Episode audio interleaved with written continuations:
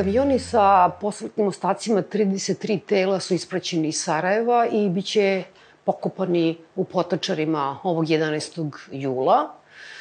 Naravno da na ispraćaju posmrtnih ostataka nije bio niko od predstavnika srpskog naroda iz Bosne i Hercegovine, jer su oni zauzeti formiranjem komisije koje su najavili već početkom godine, komisije koja treba navodno da ispita nove detalje o zločinima u Srebrenici i u Sarajevu i ne bez razloga mnogi te, tu komisiju već nazivaju komisijom za negiranje genocida. Država Srbija sa svoje strane, kao i obično, 11. jula uglavnom ćuti, sve njene institucije ćute, Iako, da podsjetimo, ovo je prilika da se podsjetimo da je naša zemlja, ova Srbija, 2007. godine, prva i za sada jedina na svetu a, pred Međunarodnom sudom pravde osuđena za to što nije sprečila, iako je mogla da, iako je imala informacije, nije sprečila genocid u Bosni i Hercegovini.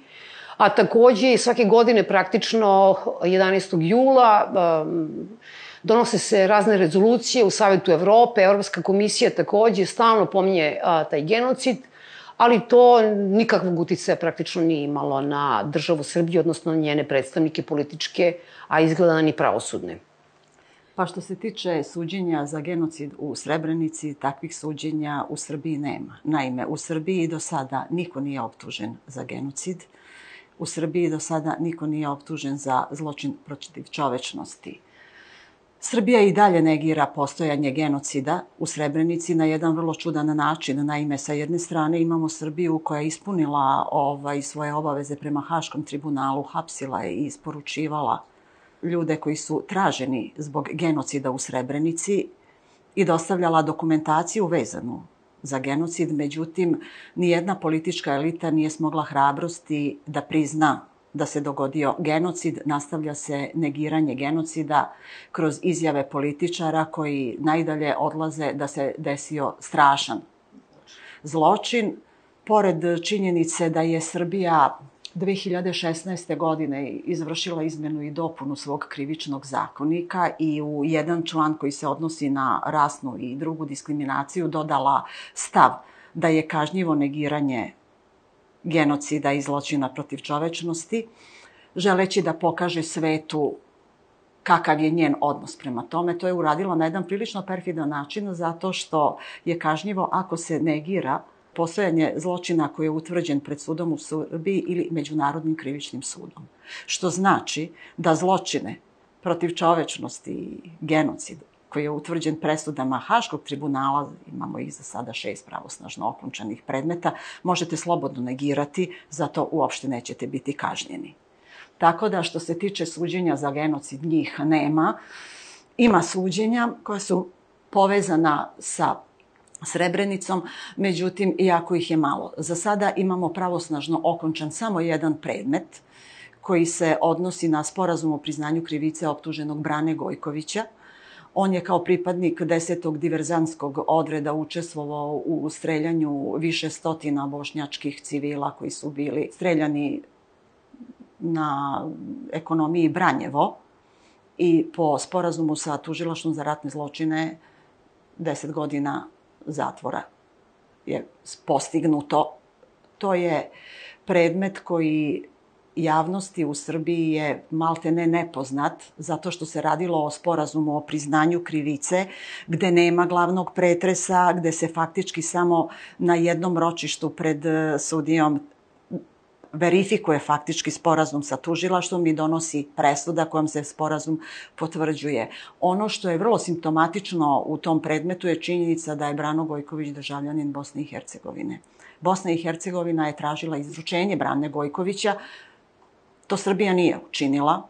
U Bosni i Hercegovini su suđeni drugi pripadnici desetog diverzanskog odreda koji su učestvovali u tom istom zločinu i osuđeni su na znatno strože kazne. Na ovaj način je najveći dobitnik upravo bio optuženi Brano Gojković, a sa druge strane ovo je jedan ružan primer kako se može jedna regionalna saradnja koja je alfa i omega za procesuiranje izvršilaca ratnih zločina uspešno pokvariti. Marina, samo da se vratim na taj masakr na toj ekonomiji Branjevu, to je vojna ekonomija, ako se zna, to tako. To se govori e, često da je bilo negde oko 1200 pobijenih ljudi.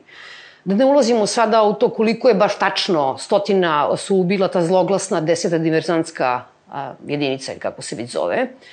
Ljudi koji su učestvovali u ubistvima su u Bosni, kao što ste rekli, osuđeni, ja sam to negde našla podatke, na 32 ili 30 godina čak. Da pojasnimo samo, u momentu kada Bosna i Hercegovina traži izrušenje tog čoveka, tog Brane Gojkovića, Srbija tog časa tek zapravo pokreće postupak protiv njega i na taj način ona u stvari sprečava da on bude izručen Bosni i Hercegovini.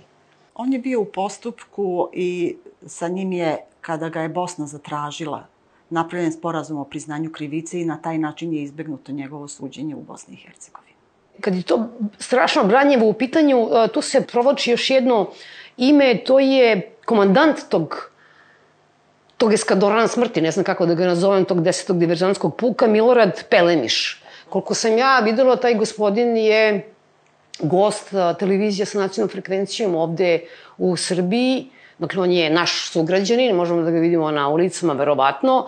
Kako to da a, protiv njega nema nikakvih postupaka ili ima? Protiv njega se za ratni zločin u Srebrenici uopšte ne vodi nikakav postupak. Pelemiš, da, Pelemiš, da, je Pelemiš.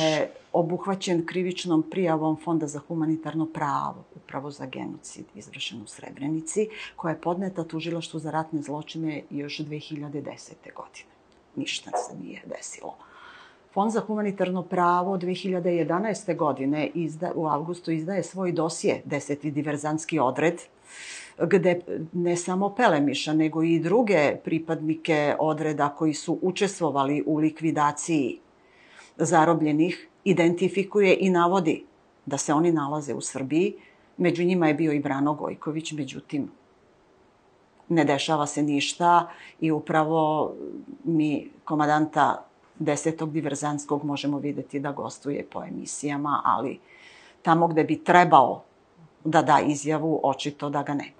Da pređemo sada, molim vas, na ovaj streljanje u Kravicama. Ustanovljeno je da je tamo streljano 1313 ljudi. Kako ide taj postupak za Kravice pred uh, srpskim pravosuđem? Postupak za Kravice, kažem, kvalifikovan je kao ratni zločin protiv civilnog stanovništva. Optužnica je podignuta protiv osam lica. Oni se terete da su kao pripadnici specijalnog odreda policije MUPA Republike Srpske sa Jahorine odred u Kravici 14. jula učestvovali u streljanju zarobljenih. Optužnicom je obuhvaćeno upravo tih 1313 žrtava. Tokom 2017. godine i jednim delom 2018. je često glavni pretres odlagan iz više razloga. Imali smo situacije da su pojedini optuženi izostajali, zatim branioci su izostajali, a desilo se i to da svima je poznato da Srbija nije imala 17 meseci tužioca za ratne zločine. Naime, od 1. januara 2016. pa do maja 2017. godine, upravo u tom periodu je podignuta i optužnica za Srebrenicu. Odbrana je istakla prigovor da je to optužnica koju je podigao neovlašteni tužilac. Da. Tako da je to bio razlog za odbacivanje optužnice pa je tu nastao jedan zastoj u suđenju. Onda je apelacioni sud doneo ipak rešenje da se postupak može nastaviti. Apelacioni sud je bez donošenja nove optužnice ipak odlučio da se može nastaviti na način da je pokušao da malo ispegla problem koji je svojim nepostupanjem po zakonu napravila državni tužilac jednostavno došli smo u jednu absurdnu situaciju da imamo odluku apelacionog suda. Jedno rešenje pravosnažno da se odbacuje optužnica i drugo rešenje tog istog suda da se postupak po toj istoj optužnici nastavlja. Znate, to je pravno jedna vrlo neuobičajena i riskantna situacija, jer nemoguće je da vi u isto vreme imate na snazi dva dokumenta sa potpuno suprotnim odlukama. Prosto se bojimo da to može biti u budućnosti predmet usporavanja. Ovaj postupak je veliko razočarenje za porodice žrtava, baš zato što toliko traje, što je pristupljeno sa tolikom neozbiljnošću da se dozvoli da optužnica bude odbačena u ovakvom predmetu, a sa druge strane izaziva veliku medijsku pažnju ne zbog e, broja žrtava i razmera zločina koji je počinjen, nego zbog činjenice da Vojislav Šešelj i njegovi radikali dolaze da prate suđenja, što kod žrtava opet porodica i zaziva jedan osjećaj neprijatnosti, nelagode i jednostavno osjećaj da se na ovaj način država Srbija prosto njima ruga, jer da bi se predmet ustupio da se sudi u Srbiji, žrtve moraju da daju saglasnost. Oni su dali saglasnost verujući pravosuđu Republike Srbije, a ovakvim tokom postupka jednostavno osjećaju da su izigrani i počinju da veruju da jednostavno od suđenja na način kako su oni očekivali da će pravda biti zadovoljena, ipak neće biti ništa. Kad govorimo o Kravicama, e, tu iskrsao još jedno ime, a to je Tomislav Kovač. Tomislav Kovač je nekadašnji zamenik ministra unutrašnjih poslova Republike Srpske u to, u to zlo vreme, u vreme genocida u Srebrenici. On je svedočio i kao, naravno, kao svedok odbrane u Hagu uh, i rekao da Karadžić nije znao za genocid, da se dešava, uh, to što se dešava u Srebrenici. I on je, što je vrlo zgodno, dvojicu ljudi koji su mrtvi optužio da su zapravo krivi za kravice. Jedan je Beara, koji je preminuo u Haškom sudu, a drugo je zapravo Milan Lukić i na neki način je to predstavio kao jedan eksces, zapravo koji nema nikakve veze sa ni sa Republikom Srpskom i njenim političkim rukovodstvom, a nema veze, na, ne daj Bože, sa državom Srbijom. Tako je. Tako je, Tomislav Kovač je svedočio i u ovom postupku kao svedok... U Beogradu. Tako je, kao svedok odbrane, pro, e, svedočio je tokom juna meseca. Tačno je da je predstavio dešavanje kod hangara i u hangaru u Kravici kao incident za koji on nije znao. On jeste prošao vozilom kraj hangara, međutim negirao je da je uopšte video bilo kakva tela, tvrdeći da je sve bilo gotovo u vreme kada se on tamo nalazio, navodeći od svega da je samo jednog od optuženih video tu na putu u blizini hangara Kravice a da je Kravica u stvari incident do kojeg je došlo tako što je jedan od zarobljenih oteo pušku jednom od vojnika koji su obezbeđivali, da je taj vojnik poginuo, da je drugi povređen i da je tada nastala pucnjava. Koja je trajala? Koja je trajala jako dugo i suviše dugo da bi se uopšte moglo smatrati incidentom tamo gde se ubije po optužnici 1313 ljudi je sve samo na incident. Da završim kao i s ovim malo čas, gospodin Kovač je rado viđen gost takođe u Srbiji na televizijama sa nacionalnom frekvencijom. Ima još dve stvari koje bih zamolila da nam pokušate da, da, da, da nam pojasnite. Jedna je dosije u kome ste obradili slučajeve 30 ljudi koji su bežeći pred tim eskadronima smrti pred streljanjem pobegli u Srbiju tražeći spas, koji su onda ovde uhapšeni i vraćeni praktično pred streljački vod. Upravo tako. E, Fond za humanitarno pravo je 14. jula prošle godine objavio dosje o deportovanju izbeglica iz Srebrenice. Došao je do vrlo preciznih podataka upravo o 30 lica, međutim postoje vrlo, vrlo ozbiljne indicije da je taj broj veći. Ali dosje se bavio sa tih 30. Od njih 30 u masovnim grobnicama pronađena su tela njih 15. Za devet se još uvek traga, samo su šestorica preživela. Oni su svi deportovani. Ova šestorica su prebačena u logoru Batković kod Bijeljine i tek kada je logor zatvoren razmenjeni su. Za ove ostale utvrđeno je da su ubijeni tako što su jednostavno predavani u ruke onih koji su ih tražili i urili upravo sa namerom da se to vojno sposobno stanovništvo muško i srebrenice likvidira.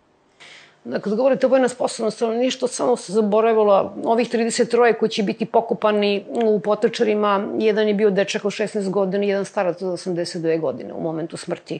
Moram još napomenuti da je Fond za humanitarno pravo protiv e, nekolicine pripadnika policije podneo i krivičnu prijavu. A izvinite, to je policija koja? To je Loznica? Šta je to? Da, to je Bajina bašta, Ljubovija Bratunac, podneta je krivična prijava sa kvalifikacijom pomaganje genocid i alternativno zločin protiv čovečnosti. Tužilaštvo za ratne zločine je tu krivičnu prijavu odbacilo. Kako se zove, da ne zaboravimo, gospođa Snežana? Stanojković je tužila za ratne zločine. Da, da, da, dobro.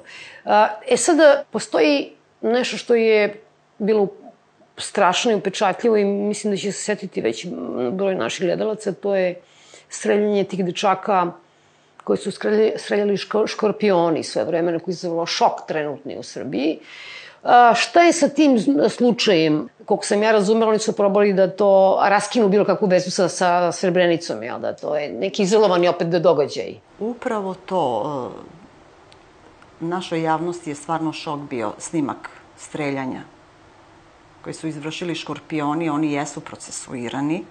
Međutim, iako je u optužnici bilo navedeno da su žrtve poreklom iz Srebrenice, da su to Srebreničani koji su voženi na razne lokacije i likvidirani, to je u presudi izostavljeno. Čitav taj postupak se faktički pretvorio u odbranu države da ona apsolutno nikakve veze nema prvo ni sa škorpionima, da su oni nekakva paravojna formacija, a ne jedinica koja je bila pod kontrolom resora državne bezbednosti i da apsolutno nikakve veze sa Srebrenicom nemaju, tako da je veza žrtava i Srebrenice u presudi izostavljena.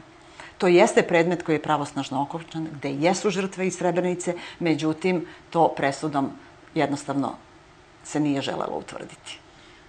Stalna teorija koja se zastupa je da Srbija nije učestvovala u tim ratovima, samim tim nema apsolutno nikakve veze ni sa naoružavanjem tih jedinica, ni sa njihovim snabdevanjem, a pogotovo ni sa kakvom kontrolom nad njima. Tako da su oni vrlo zgodni za prebacivanje odgovornosti na nešto što se dešavalo van svake kontrole. Kako se ponašaju u ovim procesima koji, koji postoje u Srbiji? Kako se ponašaju porodice žrtava? Mislim, oni su dolazili, da li neki odustaju i, i šta je sa tim zaštićenim svedocima? Da li neko od njih odustaje ili se plašite da bi mogo da odustane? Zaštićeni svedoci u predmetu Srebrenica koji ide, tri su zaštićena svedoka, dva su svedočila, međutim, treći se ne pojavljuje, navodi se da ima zdravstvenih problema, ali i da ne želi da svedoči jer je primio pretnje. Tako da je pitanje da li će se on pojaviti kao svedok ili do kraja će ostati pri svojoj nameri da ne svedoči.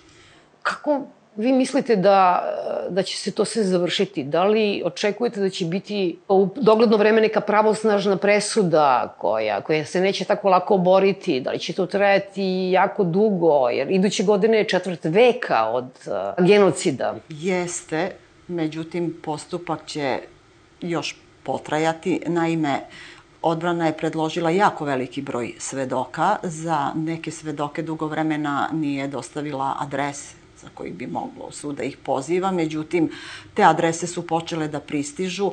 Kojim tempom će to ići? Ima tu još mnogo toga da se u dokaznom postupku uradi. Tu je presuda na koju postoji pravo žalbe moramo imati u vidu i mogućnost ukidanja i vraćanja na ponovni postupak, tako da koliko će trajati i kada ćemo doći do pravosnažno okončanog postupka, zaista izuzetno nezahvalno prognozirati. Da, ali ceo kontekst i okruženje je jako obeshrabrujuće zapravo. Kako da nije?